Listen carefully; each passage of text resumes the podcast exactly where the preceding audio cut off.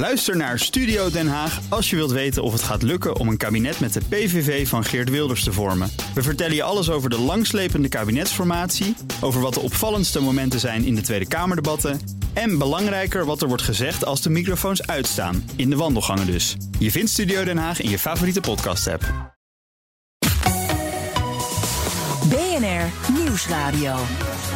Boekenstein en de Wijk. Hugo Rijksma. Over twee weken is het zover. Ladies and gentlemen, the president-elect of the United States, De feestelijke inauguratie Donald John Trump. van president Trump. Today, we are not transferring power from one administration to another. Wat zijn de plannen voor zijn tweede termijn? We are transferring power from Washington, D.C. and giving it back to you, the people. En hoe gaat de president in ballingschap om met het feit dat iemand anders in het Witte Huis zit? So help me God. Congratulations, Mr. President. Welkom bij Boekenstein en de Wijk. Op zoek naar de nieuwe wereldorde over de komende vier jaar Trump en diens invloed in de wereld. Met, het lijkt wel 2020, iedereen op afstand. Dus bij eventueel snoertjesgerommel of de kat op de achtergrond, daar ligt het aan.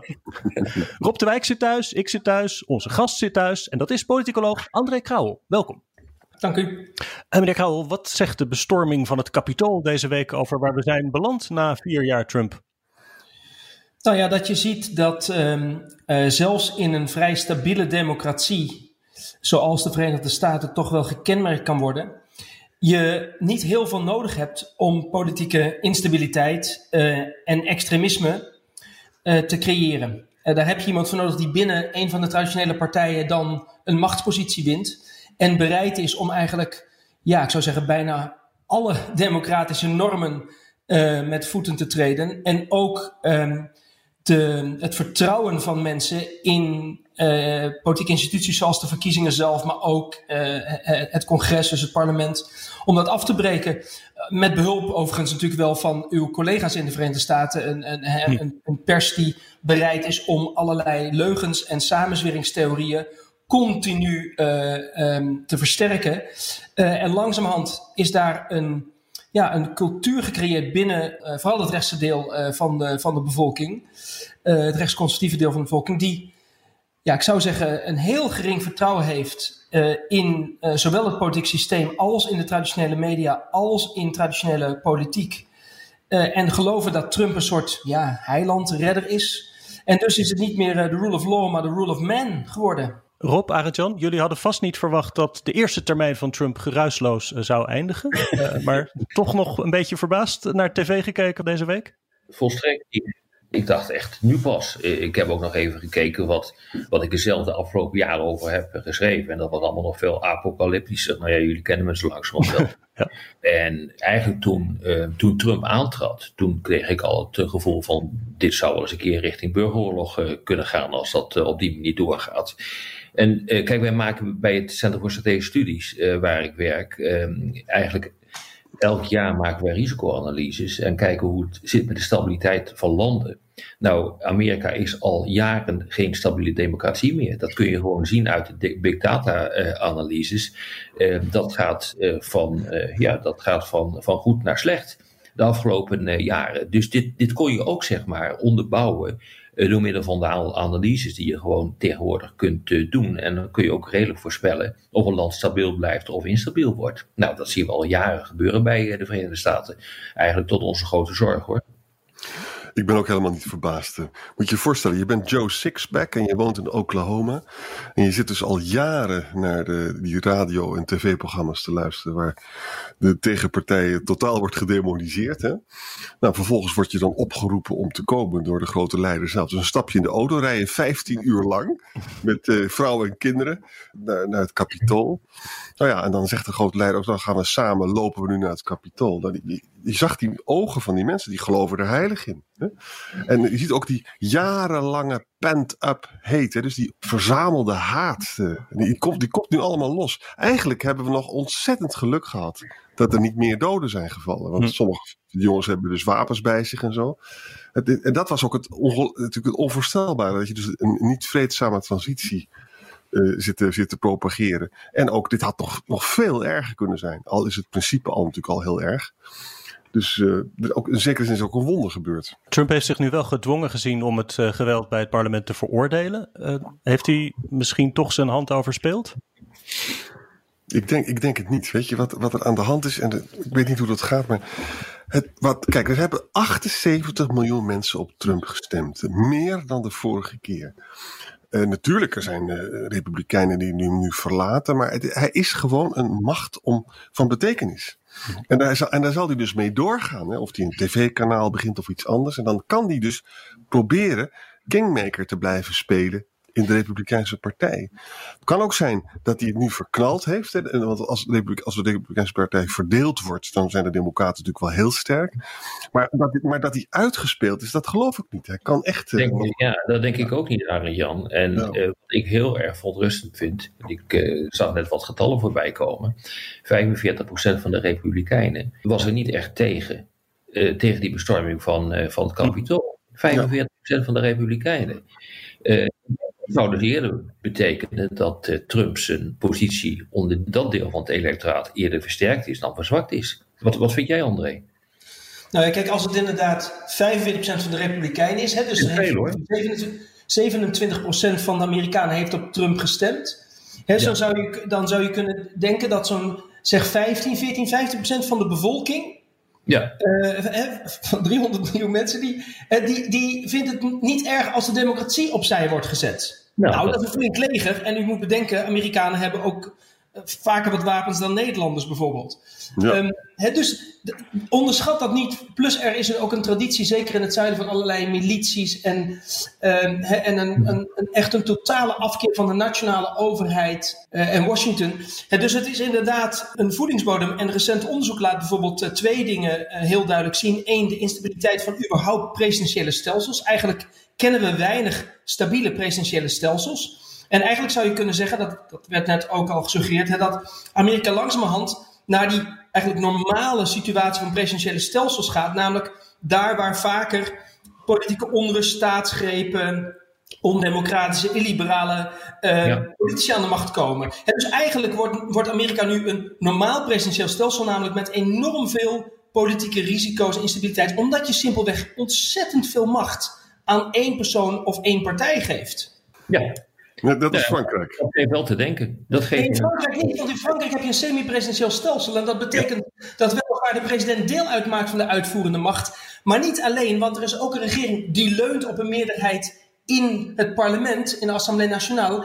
Daar heb je iets meer balans in. Maar ook, ook daar heb je natuurlijk met, het, eh, met de Gaulle een soort nou ja, constitutionele staatsgreep gehad. Dus ook dat ja. is heel erg Um, en dat is heel erg ge gevoelig. En als je gewoon een macho mannetje of vrouwtje überhaupt hebt, het die kwaad wil en die voldoende mensen achter zich krijgt en dan de macht naar zich toe uh, kan trekken, ja, dan. dan democratie is, is in zekere mate fragiel overal. Uh, als mensen er niet meer in vertrouwen. Democratie is supersterk als mensen democratisch zijn. Dan accepteren ze dit gedrag niet. Maar André, dat zo is, hè, en ik deel jouw analyse, maar wat betekent dat dan voor, uh, laten we zeggen, de de democratieën à la Duitsland en bijvoorbeeld Nederland? Want die hebben geen presidentieel stelsel. Moeten ze zich dan minder zorgen maken? Uh, en wat hier aan de hand is, is dat dan niet een voorbode van wat hier ook aan de hand kan zijn? Ik las een stukje van Cas Mudde, dat is toch wel een autoriteit op het gebied van rechts, om het maar, maar zo te zeggen. die, die schaart zelfs onder dat extreme gedachtegoed de Farmers Defence Force in, in Nederland. Die de boel op stel te als ze de mogelijkheid hebben. En die zegt, kijk nou eens in Duitsland wat er gebeurd is in uh, augustus uh, vorig jaar. Ik ben het volstrekt met hem eens, want daar is namelijk de Bondsdag ook bestormd door uh, extreemrechtse anti-vaccinatietypes. Dus in hoeverre worden normale democratieën met echte checks en balances, waar je ook coalitiepolitiek hebt, hier nou van ge gevrijwaard? Ja, dus dat is inderdaad een goed punt. En iedereen moet inderdaad het artikel in The Guardian van uh, uh, lezen van Cas Mudde, die uh, al tientallen jaren expert is op het gebied van extreem rechts. En inderdaad constateert dat er een soort stabiele zeg maar steun is voor extreemrechtse politiek. Um, ja. Zo'n 15 tot 20 procent, soms is dat 25 procent in landen, is geneigd om zeg maar de rule of man, een, een, een zeg maar rechtsextremist de macht te geven. In Frankrijk overigens is dat gewoon een vrouw. Ja. En, maar, maar daar zijn ze toe bereid. het interessante is dat in een stelsel zoals wij dat hebben, een, een puur parlementair stelsel met proportionele vertegenwoordiging, zelfs als Wilders en Baudet, uh, waarvan Baudet trouwens ook heel, vind ik, gevaarlijk is. Hè? Dat is een antidemocraat die ja, hij is gevaarlijk zou wachten om ons stel omver te werpen, want het is een kartel ja. volgens hem. Ja. En dus Baudet is gevaarlijk, maar Baudet zelfs als hij 10% van de stem krijgt, zelfs 15% van de stemmen, het maakt niet uit, want die gaat natuurlijk nooit aan de regering deelnemen. Ja, dat hebben ze bij, bij, bij Wilders geprobeerd. Nou, die was niet eens bereid om dat echt te doen. Die had een soort ja, zeg maar bijrol in die, in die regering. Ik denk niet en dat je zo makkelijk in een stelsel als het onze, dan moet je toch echt wel 50% van de stemmen krijgen. Wil je, en één, wil je daar echt aan de macht komen?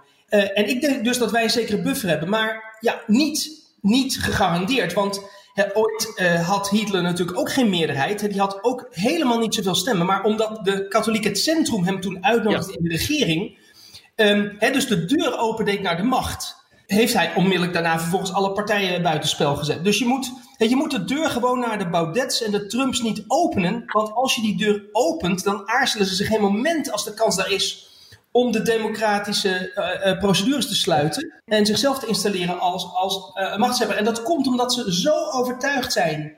En we moeten toch hebben, wat is de reden ervoor? Omdat ze zo overtuigd zijn dat er iets helemaal mis is. de, de utopie van rechts is dat we worden overspoeld, onze boreale wereld in de wereld van Baudet worden we overspoeld met moslims. En dat is een bedreiging voor Nederland, zelfs voor de hele witte cultuur. Ja, dat blijkt dus het is echt oorlog voor de mensen. Het is, het is niet zomaar gewoon, we zijn, hoe hoog moet de belasting zijn? Of uh, moet je nou wel of niet mensen met kinderen compenseren als de overheid iets fout gaat? Niet, niet dat soort dingen. He, maar echt, fundamenteel is er een, een, een crisis. En u hoort gelijk ook de sirenes al langskomen. Ja. ja. En als uh, bij Hitler zijn uitgekomen in het programma, is het altijd tijd voor een kleine onderbreking.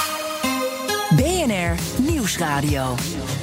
Boekenstein en de Wijk. Op zoek naar de nieuwe wereldorde. Dit is Boekenstein en de Wijk. En dat programma is natuurlijk niet zonder Arjan Boekenstein en Rob de Wijk. Mijn naam is Hugo Reitsma en onze gast is VU-politicoloog André Krauwel. Duitsland is interessant, het werd net genoemd. Hè? Weet je hoe dat gegaan is? Er was een jongen van de AFD, een Kamerlid, die heeft die jongens binnengelaten, die viruswappies. En daardoor konden ze dus naar binnen en konden ze allemaal nare dingen doen. En de reactie van Merkel vond ik ook interessant afgelopen dagen. Die heeft ook met ogen op steeltjes gekeken naar het kapitool, zoals wij allemaal. Maar die zegt nu ook, we moeten nog veel beter nog het parlement uh, beveiligen. En, en, dat zal natuurlijk weer misbruikt worden door de extreemrechtse jongens hè, en meisjes. Die zeggen, zie je wel, ze zijn bang voor ons. En, uh, nou ja, Jan, uh, is het wel interessant om te zien wat de verschillende leiders hebben gezegd. Hè? Orbán van Hongarije en Duda en Babis van, van, van Tsjechië, die hebben zich redelijk op de, op de vlakte gehouden hoor. Uh, Orbán die zegt van uh, ik uh, reageer niet op wat er in Washington gebeurt, want dat is een binnenlandse zaak. dat zegt Duda ook, de Poolse president. dus je ziet al dat die hier toch mee, mee worstelen. De enige die dan heeft gezegd van die kan niet wat daar gebeurt is Marine Le Pen van voorheen het Front Nationaal. Ja. is in, in, die zin vraag ik mij wel af wat dit nu eigenlijk voor gevolgen heeft voor de positie van dit soort partijen, ook in Europa.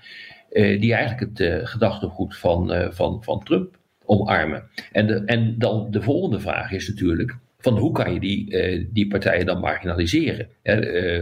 Trump die mag niet meer op Twitter. Facebook is, is gesloten. maar goed, ik bedoel, daar ga je natuurlijk makkelijk omheen. Dat zie je dus nu ook in de Verenigde Staten gebeuren. Dat die extreemrechtse types, die gaan nu op, op alternatieve platforms zitten. André, hoe, hoe, hoe pak je dit nou eigenlijk aan? Nou, kijk, het is niet zomaar dat dit gebeurt en het is niet zomaar dat het overal gebeurt. Dat je in alle westerse democratieën zie je die populistische antisysteempartijen, illiberale partijen, dus die bereid zijn om zowel de rechtsstaat als de democratische instituties aan te vallen, zie je opkomen. Er moet dus een diepere oorzaak zijn. En daar heb ik de afgelopen jaren onderzoek naar gedaan. Ja. En wat wij daarin vinden, uh, dat noemen wij zeg maar, het onderzoek van de squeezed middle het idee was namelijk altijd, oh joh, dat zijn de, dat zijn left behind, dat zijn de, de, de Henk en Ingrid die zielig zitten in een, in een huurwoning en het slecht hebben en die worden boos en die gaan erop stemmen. Dat is niet zo. Het Trump is gekozen met mensen die gemiddeld 78.000 dollar per jaar verdienen. Het is heel breed in Nederland, ook heel breed in de middenklasse. Kijk maar naar bijvoorbeeld de steun die Forum voor Democratie krijgt en ook de, de boeren krijgen. Dat zijn helemaal niet de armste mensen, mensen die op een uitkering zitten of aan de rand van de samenleving. Dat zijn mensen die midden in de samenleving staan, zowel economisch als ook uh, sociaal. Alleen, wat is er met ze gebeurd? Zij zijn economisch enorm precair, kwetsbaar geworden. Hele grote delen van de middenklasse zijn, doordat er enorme ongelijkheid is en doordat we delen van zeg maar, verzorgingsstaten, garanties van inkomen en zekerheid hebben afgebroken. Of in ieder geval onzekerheid hebben gecreëerd, ook al is die zekerheid er nog, mensen voelen zich niet meer zeker. En daarnaast komt dat een heleboel mensen hun gevoel hebben van statusverlies. We hebben bijvoorbeeld de vraag gesteld of mensen vinden dat zij als laatste ooit aan de beurt komen. Dat zij nooit worden geholpen. Dat er nooit iets gebeurt om hen te steunen. Als je dat soort vragen stelt, zie je dat mensen die populisten stemmen met dat soort vragen akkoord gaan. Zij denken dat iets is van hen afgenomen. En wat is dat?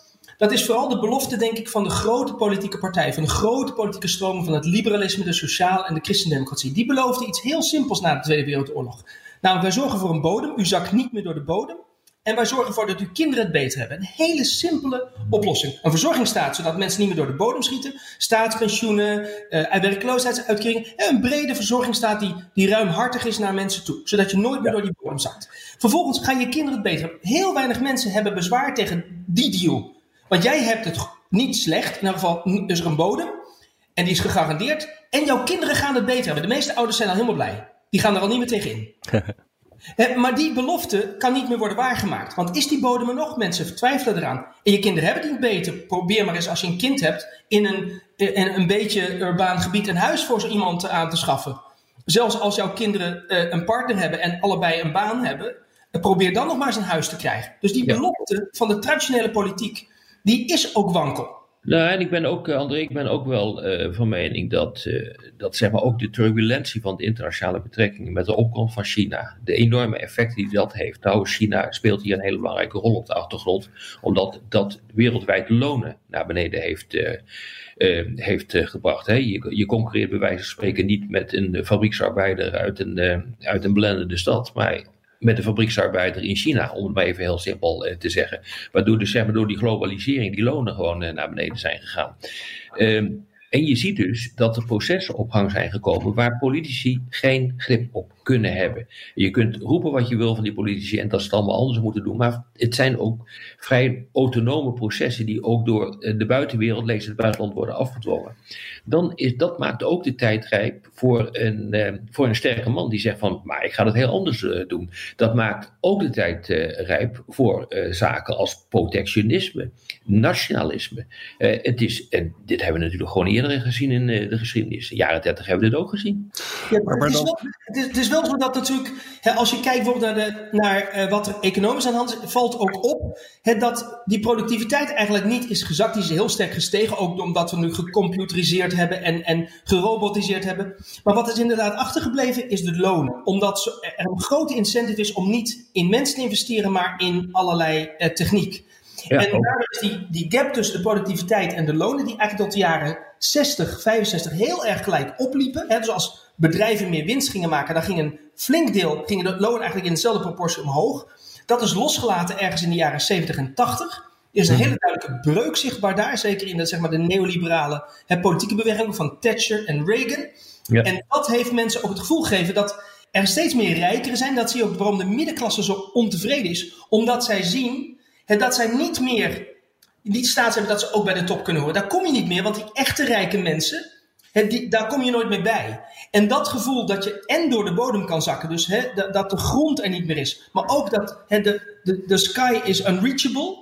Die twee gevoelens, dat je eigenlijk een soort squeezed middle bent, dat sentiment zien we heel erg sterk bij hele brede middenklasse. En dat maakt inderdaad dat zij bereid zijn om te denken, nou, als iemand anders dan belooft dat het wel goed gaat, of grenzen dicht, of we stoppen met China handelen, en dat klinkt heel aantrekkelijk. Het is onzin. Het is een valse veiligheid en een valse zekerheid. Maar het klinkt heel fijn voor die mensen, want het is een onmiddellijke oplossing. Maar André, ik een vraag aan je. Van, het probleem met dit soort verklaringen vind ik altijd dat. Kijk, globalisering is al langer onder ons. Hè? En ongelijkheid ook. En er zijn natuurlijk in de geschiedenis ook wel eerder perioden geweest waarbij globalisering leidde tot meer ongelijkheid. En dat was, zag toen niet heel duidelijk een opkomst van populisme. En om, vanwege die redenering denk ik zelf dat ook dus social media en de technologie toch wel een hele belangrijke component is. Weet je, Trump is gewoon een meester in het bespelen van de sentimenten van dit soort mensen die zich bedreigd voelen door globalisering. En, en, en, en door dat, dat hij miljoenen Twitter-volgers heeft, kon hij ze ook letterlijk als een dompteur aansturen. Denk je niet dat dus ik geloof zeker hoor dat die ongelijkheid en globalisering een onderdeel is van de verklaring. Maar er moet ook een technologische component bij. Maar Boris, maar in de jaren dertig is het toch ook gebeurd? Laten we nou wel wezen. En uh, ik maak wel een vergelijking met, uh, met het peronisme en het Trumpisme. En het peronisme is heel erg vergelijkbaar, uh, vind ik. Is ook gewoon een stroming geworden in de Argentijnse politiek. En die is na de Tweede Wereldoorlog ontstaan. Nou, ik kan je melden dat er toen nog geen Facebook en, en Twitter was. Uh, dus dit zijn bewegingen in de maatschappij, die zijn in zeer belangrijke mate losgezongen van de technologie die je hebt. Ik bedoel, honderden jaren geleden uh, wist Luther al zijn boodschap binnen no time te verspreiden over heel Europa. Dus het hangt er maar net van af wat voor een maatschappelijke gesteldheid je hebt of dit soort ideeën ingang doen vinden. En we weten ook dat in veel gevallen dat gewoon dan slecht afloopt. Maar een belangrijke vraag hierbij is, en ik ben ook heel benieuwd wat jij ervan vindt, is er nou echt sprake van een Trumpisme? Is hier nou echt sprake van iets wat blijft? En dat misschien zelfs wel uh, Trump uh, overleeft. Ja, dat denk ik wel. Ik denk dat dat gewoon doorgaat. En dat betekent dus, en dan ga je gelijk ook praten over de remedies. Van, dat betekent dus dat het midden, en het geldt ook voor Nederland, moet nog veel uitgesprokener dan nu gebeurt, opkomen voor de rechtsstaat. Want daar hebben we het laten liggen. CDA is in Brabant gewoon hartstikke gaan samenwerken met Forum. Hè? Terwijl Forum dus uit mensen heeft waarvan Baudet zelf erkent van ja, mijn, al mijn vrienden zijn antisemieten. Dat soort dingen worden gewoon gezegd tijdens het diner. Hè? En dat is, ik bedoel, antisemitisme is dus gewoon niet netjes. Dat is gewoon verwerpelijk. Het is verschrikkelijk. En de rechtsstaat is heilig. Hè? Meneer Krauwel, als u zegt die onzekerheid van de middenklasse, dat is een voedingsbodem voor Trump in de VS en, en andere populisten. Kan dan president Biden in de VS of de middenpartijen hier, hebben die inmiddels een, een antwoord gevonden op die onzekerheid? Nee, net zoals de traditionele partijen in Nederland geen antwoord hebben op um, het, dat diepe gevoelen, wat zoals ik al zei, tot diep in de middenklasse voelbaar is, die, economische onzekerheid, is niet weggenomen. Die wordt continu ook versterkt, omdat uh, het falen van de overheid heel vaak in de politieke berichtgeving centraal staat. Terwijl er heel veel goed gaat, staat dat centraal. En, en dus wat er nodig is, denk ik, is dat er een politiek project vanuit het midden weer komt, waar inderdaad die bescherming van die rechtsstaat een heel belangrijke component is. Waar ook het weer beschermen van mensen, ook economisch, een hele belangrijke component is. Omdat zonder die twee dingen, namelijk bescherming van de rechtsstaat, iedereen gelijk behandelen en daar is niet aan te tornen. Plus, we moeten ook iedereen economisch de middelen geven om een, uh, gewoon een leven te hebben wat, wat, uh, wat netjes is en wat, wat waardig is.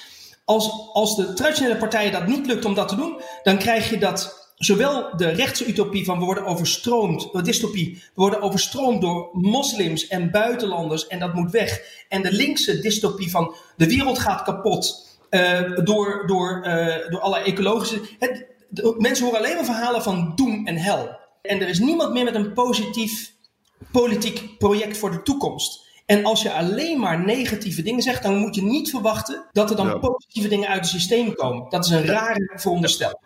Met die doem en hel, herkenbaar bij dit programma, moeten we afronden. Althans op de radio. Op de podcast gaan we door met luisteraarsvragen. Luistert u op de radio, dan verwijs ik naar Apple Podcasts, Spotify of boekensteinendewijk.nl. En Jerry Weijers heeft een echte Boekenstein en de Wijk vraag. Die vraagt, is er nu de Trump-aanhang helemaal is losgeslagen van de werkelijkheid, gereden kans op een burgeroorlog?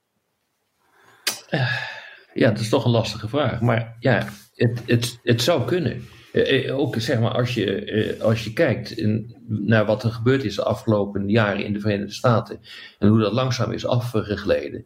En hoe het gepolariseerd wordt. En we hebben het in het begin van het programma even gehad over die 45% van de, de Republikeinen die het wel eigenlijk wel oké okay in de zomerstorming van, de, van, het, van het kapitool.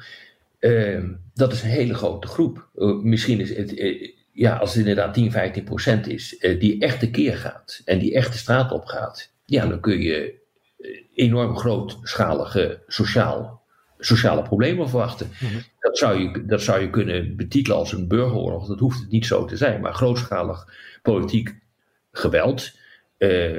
Nou, dat is heel, heel erg denkbaar. Dus we moeten ook nog gaan kijken wat er de komende tijd uh, gebeurt. En daarom is die vraag ook zo belangrijk. Of dat, uh, dat Trumpisme uh, Trump overleeft. Mm -hmm. want het zou mij niet verbazen als Trump gewoon bezig is om zijn erfenis veilig te stellen. En die heeft ongelooflijk veel belang bij, een, bij het totaal ontsporen van de situatie. Um, omdat hij daarmee, uh, denk ik, misschien wel weer de macht terug kan krijgen. Althans in zijn verwrongen gedachtenwereld. Uh, Dirk Kwakkel vraagt uh, alleen de radicale Trump-achterban bedienen uh, heeft de GOP, de Senaat, het Congres en het Witte Huis gekost. Een surrogaat-Trump, zoals Cruz of Donald Jr., zal nooit zo populair worden als Trump zelf. Moet de GOP, dus de Republikeinen, niet noodzakelijkerwijs matigen om electoraal kansrijk te blijven? Nou ja, kijk, op de, op de langere termijn is het natuurlijk zo dat door demografische ontwikkelingen dat de dat de GOP zal zich uh, zwarte mensen moet, moeten hebben. Maar ja, op de korte termijn zijn ze nog steeds bezig met uh, gerrymandering, hè, die kiesdistricten te doen en, en met de oude spelletjes. En ze zijn niet van Trump af. Hè. Dus de, de, Republikeinse Partij is nu verdeeld, maar dat betekent nog niet dat je van de Trump-factor af bent. Er is ook nog niet zo heel veel talent. Bijvoorbeeld Ted Cruz, die kan natuurlijk niet, die is een verschrikkelijke man. Maar is, is, is, is, geen, is geen Trump. Ja? Weet je, Ted Cruz wordt genoemd als een, eh, een adder uh, verpakt in vaseline.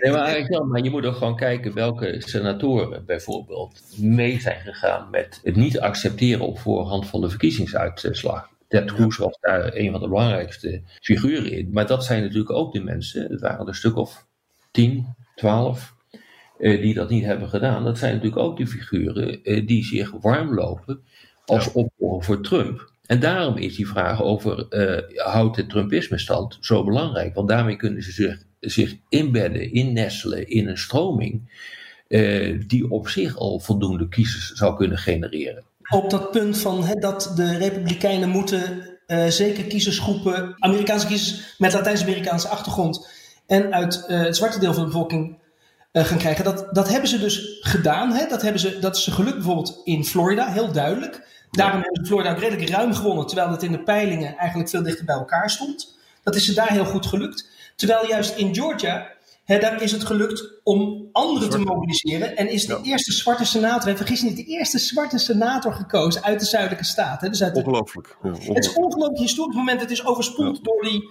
nou ja, door de ellende uh, van, van, van de mop die het... Uh, hè, maar dat is een heel historisch moment was dat. Uh, dat daar deze pastor gekozen is en ook trouwens daarnaast, eh, door de mobilisatie van jongeren, door, door onder andere Abrahams, die daar heel hard aan het mobiliseren is, eh, is ook een 33-jarige man in, het, in de Senaat gekozen.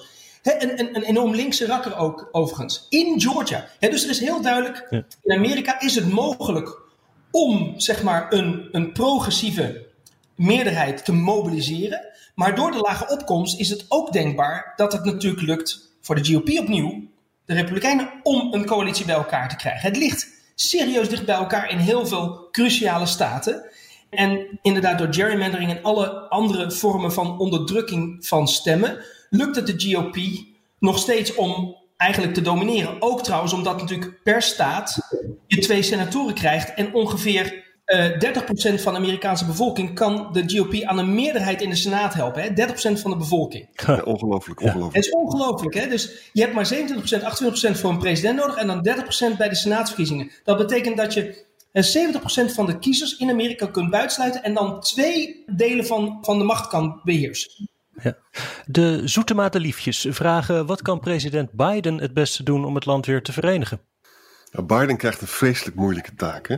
Hij heeft nu, heeft een 50-50 uh, in de Senaat, waarbij dus Kamala Harris heeft de doorslaggevende stem. Maar wat betekent dat? Dat betekent dus dat de linkerdeel van de Democraten hebben eigenlijk meer macht gekregen. Want elke stem telt uh, in de Senaat. Hè? En dus Biden krijgt de grootst mogelijke moeite met de linkerdeel. En hij zal steeds moeten zeggen van jongens, alsjeblieft gedraag je nou, want anders dan gaat het fout en dan, dan is het na vier jaar weer afgelopen. Hè? Dat is het eerste. En de tweede is, ja, Biden komt dus in een totaal gepolariseerde wereld terecht. En daar zit hij natuurlijk al in. En hij krijgt te maken met, die, uh, met de factor Trump. Het enige, enige lichtpuntje wat ik zie is dat de Republikeinse Partij is nu echt verdeeld. En dat betekent, het maakt het wat makkelijker voor de Democraten om te scoren. Maar ja, in dat, in, bij de huidige Amerikaanse grondwet eh, is een verdeelde Republikeinse partij erg onhandig. Er zullen ook weer hele sterke krachten zijn in de Republikeinse partij om toch weer de rijen te sluiten. En heel misschien wel straks weer om de spindokter Trump heen. Dus het is heel spannend wat er gaat gebeuren. Ja, en, en, en vergeet niet dat ook nog steeds in de Senaat je voor veel wetgeving niet 50 senatoren plus Kamala Harris uh, nodig hebt. Waar, maar ja. 60, omdat het heet de filibuster. En dus nog steeds kunnen allerlei benoemingen, maar ook allerlei wetgeving kan worden tegengehouden. Dat kan dan, nou, moet niet altijd technisch worden, dat kan dan nog een beetje omzeild worden door Biden met allerlei andere acties en financiële transacties. Maar eh, ik denk dat het heel moeilijk wordt om een ambitieuze agenda echt wet te maken. Omdat ik denk dat ook door die verdeeldheid in de Republikeinen ze natuurlijk ook op de rem gaan trappen. Want als je niet zeker bent wie je leider is, right, is er dan een richting? Nee. Ja. Ik vind wel dat hij knap doet hoor, op dit ogenblik, uh, Biden. Hij probeert uh, uh, geen olie op vuur te gooien. Hij probeert toch enigszins die situatie te dempen. neemt wel stelling in. Um, ja, dat is denk ik toch de manier waarop je dat zal moeten doen. En niet onbelangrijk, het is toch een verbinder. Het is ook de man die onder Obama, en ook trouwens met Obama, een enorme hoeveelheid tijd heeft gestoken in, uh, in het congres en in de Senaat om ervoor te zorgen uh, dat er inderdaad door beide partijen uh, besluiten worden genomen. Nou ja, daar is hij de ene keer beter in geslaagd dan de andere keer, maar Trump was natuurlijk totaal het tegenovergestelde daarvan. Ja, en hij heeft twee grote projecten voor elkaar gekregen. Want hij heeft natuurlijk die, die 900 biljoen staatssteun er doorheen gejast in het begin van de crisis toen Obama aan de macht kwam. Ja. En vervolgens heeft hij, waar hij, hij trouwens zelf verantwoordelijk was overigens voor die steun aan, aan de aan, aan de economie en eigenlijk die crisis oplost van 2007, 2008. En hij heeft natuurlijk voor elkaar gekregen samen met Obama dat er een, een Obamacare is, een, een, ja. een, een Affordable Care Act. En dus hij heeft grote dingen gedaan. Ik denk dat je inderdaad kunt zeggen, kijk, hij is denk ik ook iemand die ziet dat zo'n positief politiek project, dus niet negatief en niet doorgaan, maar een positief politiek project in het politieke centrum, uh, een optimisme voor de toekomst, dat dat iets is wat meer zal verbinden dan dat je en nu, ja. en dan zegt hij ook, je moet Trump niet gaan vervolgen. Je moet dat niet op de, hij wil dat niet op de spits drijven. Want hij ziet ook wel dat dan natuurlijk zijn presidentschap verzinkt in die culture wars die daar maar doorgaan. Ja. ja. ja. Sluiten we af met de vraag van Daan Diederiks. Uh, wat betekent deze halfslachtige koep voor de blik waarmee de rivalen van de VS naar dit land kijken en hoe zullen ze daarnaar handelen? Uh, nou ja, dat is, ja, dat is wel een goede vraag natuurlijk. Uh, ik denk dat de mensen geslepen worden. We zien dus bijvoorbeeld in, de, in Rusland en in China, dat zagen we heel sterk tijdens de coronacrisis, dat die landen gebruik maken van de situatie. En uh, zullen zorgen dat de Verenigde Staten, dus in dit geval Biden, verder in een hoek wordt uh, gemanoeuvreerd. Je verliest je status, uh, je bent een instabiel land en dat betekent gewoon dat je gemakkelijke prooi bent. Het hoort, moet ik zeggen, ook wel een beetje bij de aftakeling van de Verenigde Staten als, als supermacht. Nou, dan krijg je gewoon dit soort dingen. En wat je ook hebt, en dat is ongelooflijk interessant, is dat China heeft natuurlijk weer de flessen champagne opengetrokken. Want als je nu nog over de Oeigoeren begint, dan zeggen ze van kijk eens even naar je eigen systeem. Ja. En Poetin vindt het ook geweldig. En oh ja, die reactie van Orbán, waar jij het nog even over had eerder, Rob. Orbán was, reageerde ook zo voorzichtig, omdat hij gewoon vindt dat mensen moeten niet zeiken over wat hij doet met Hongarije. En dus moeten mensen ook niet zeiken over wat Trump allemaal Ja, daar doet. ja. hè? Dus met andere Ja. woorden, het idee dat mensenrechtenbeleid was altijd al heel erg moeilijk. Hè? Die, die variant van buitenlandse politiek. Die is nu nog veel moeilijker geworden. Al was het maar ook omdat er steeds meer autocratische regimes eh, zijn. Dit was weer Boekenstein en de Wijk. Namens Arjan Boekenstein en Rob de Wijk zeg ik dank voor het luisteren. Dank voor de vele vragen. We hebben er zoveel mogelijk behandeld. Speciale dank aan André Krauwel. En tot volgende week. Ook Liesbeth Staats vind je in de BNR-app. Ja, heel handig. Luister live naar Kees en mij tijdens de Daily Move. Dan blijf je ook gelijk op de hoogte van breaking news en het laatste zakelijke nieuws. En daar vind je ook alle BNR-podcasts, waaronder de Perestrooikast. Download nu de gratis BNR-app en blijf scherp.